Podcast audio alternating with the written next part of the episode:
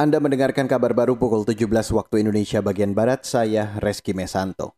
Saudara, pemerintah menyatakan semua prosedur vaksinasi akan diberlakukan sama seperti yang dilakukan kepada Presiden Joko Widodo hari ini.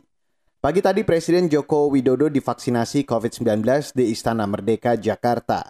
Vaksin yang digunakan adalah CoronaVac buatan Sinovac Cina. Ada empat meja yang harus dilalui Jokowi, yakni meja verifikasi, meja pengecekan kondisi, meja penyuntikan, dan terakhir meja pendataan dan penjadwalan vaksinasi kedua. Berikut penjelasan juru bicara Satgas COVID-19 Reisa Broto Asmoro. Setelah vaksinasi perdana ini, seluruh kabupaten kota akan melakukan uh, pemberian vaksin juga. Tentunya yang pertama kepada kepala daerah dan tenaga kesehatan yang ada di daerah. Prokes terutama akan disusul besok oleh uh, pimpinan daerah di kepala daerah. Jadi bagi kepala daerah yang belum dilakukan vaksinasi akan segera dilakukan vaksinasi di seluruh Indonesia juga.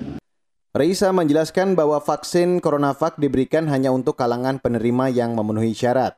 Selain profesi, syarat usia dan riwayat kesehatan juga menjadi acuan dari pemberian vaksin. Vaksinasi tahap pertama dilakukan Januari hingga April 2021. Sasaran utamanya adalah tenaga kesehatan dan mereka yang berada di garis depan melawan virus corona. Kita ke Lampung, saudara. Objek wisata Taman Nasional Waikambas atau TNWK Lampung akan dibuka pada bulan ini. Sebelumnya, TNWK ditutup selama 9 bulan karena pandemi COVID-19. Kepala Balai Taman Nasional Waikambas Amri bakal menerapkan aturan baru yang harus dipatuhi pengunjung.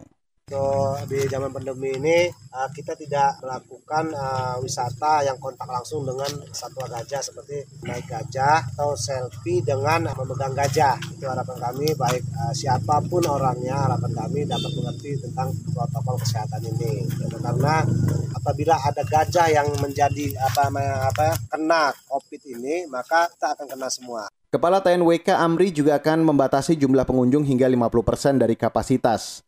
Hal itu guna menghindari kerumunan yang berpotensi menularkan virus corona. Saat liburan, TNWK biasanya dikunjungi ribuan wisatawan.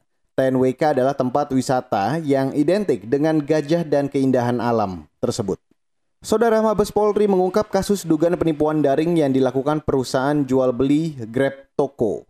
Toko daring itu diduga telah menipu 970-an orang dengan total kerugian 17 miliar rupiah. Juru bicara Mabes Polri Ahmad Ramadan mengatakan, kepolisian telah menangkap dan menetapkan tersangka pemilik Grab toko bernama Yuda Manggala Putra. Pelaku ditangkap pada 9 Januari lalu di Kebayoran Baru, Jakarta Selatan. Di mana modus operandi yang dilakukan oleh saudara YMF adalah membuat sebuah website bernama Grab Toko www.grabtoko.com yang menawarkan berbagai macam barang dengan harga yang sangat murah sehingga mengandung minat orang banyak yang akhirnya berbelanja namun barang tersebut tidak kunjung datang. Juru bicara Mabes Polri Ahmad Ramadan menambahkan kasus ini ditangani penyidik Direktorat Tindak Pidana Cyber Bareskrim Polri. Penyidik telah memeriksa karyawan dari Grab Toko, karyawan bank, dan pihak terkait lainnya. Dan dalam kasus ini, pelaku disangka melakukan pidana menyebarkan berita bohong dan menyesatkan sehingga mengakibatkan kerugian konsumen. Demikian kabar baru KBR, saya Reski Mesanto.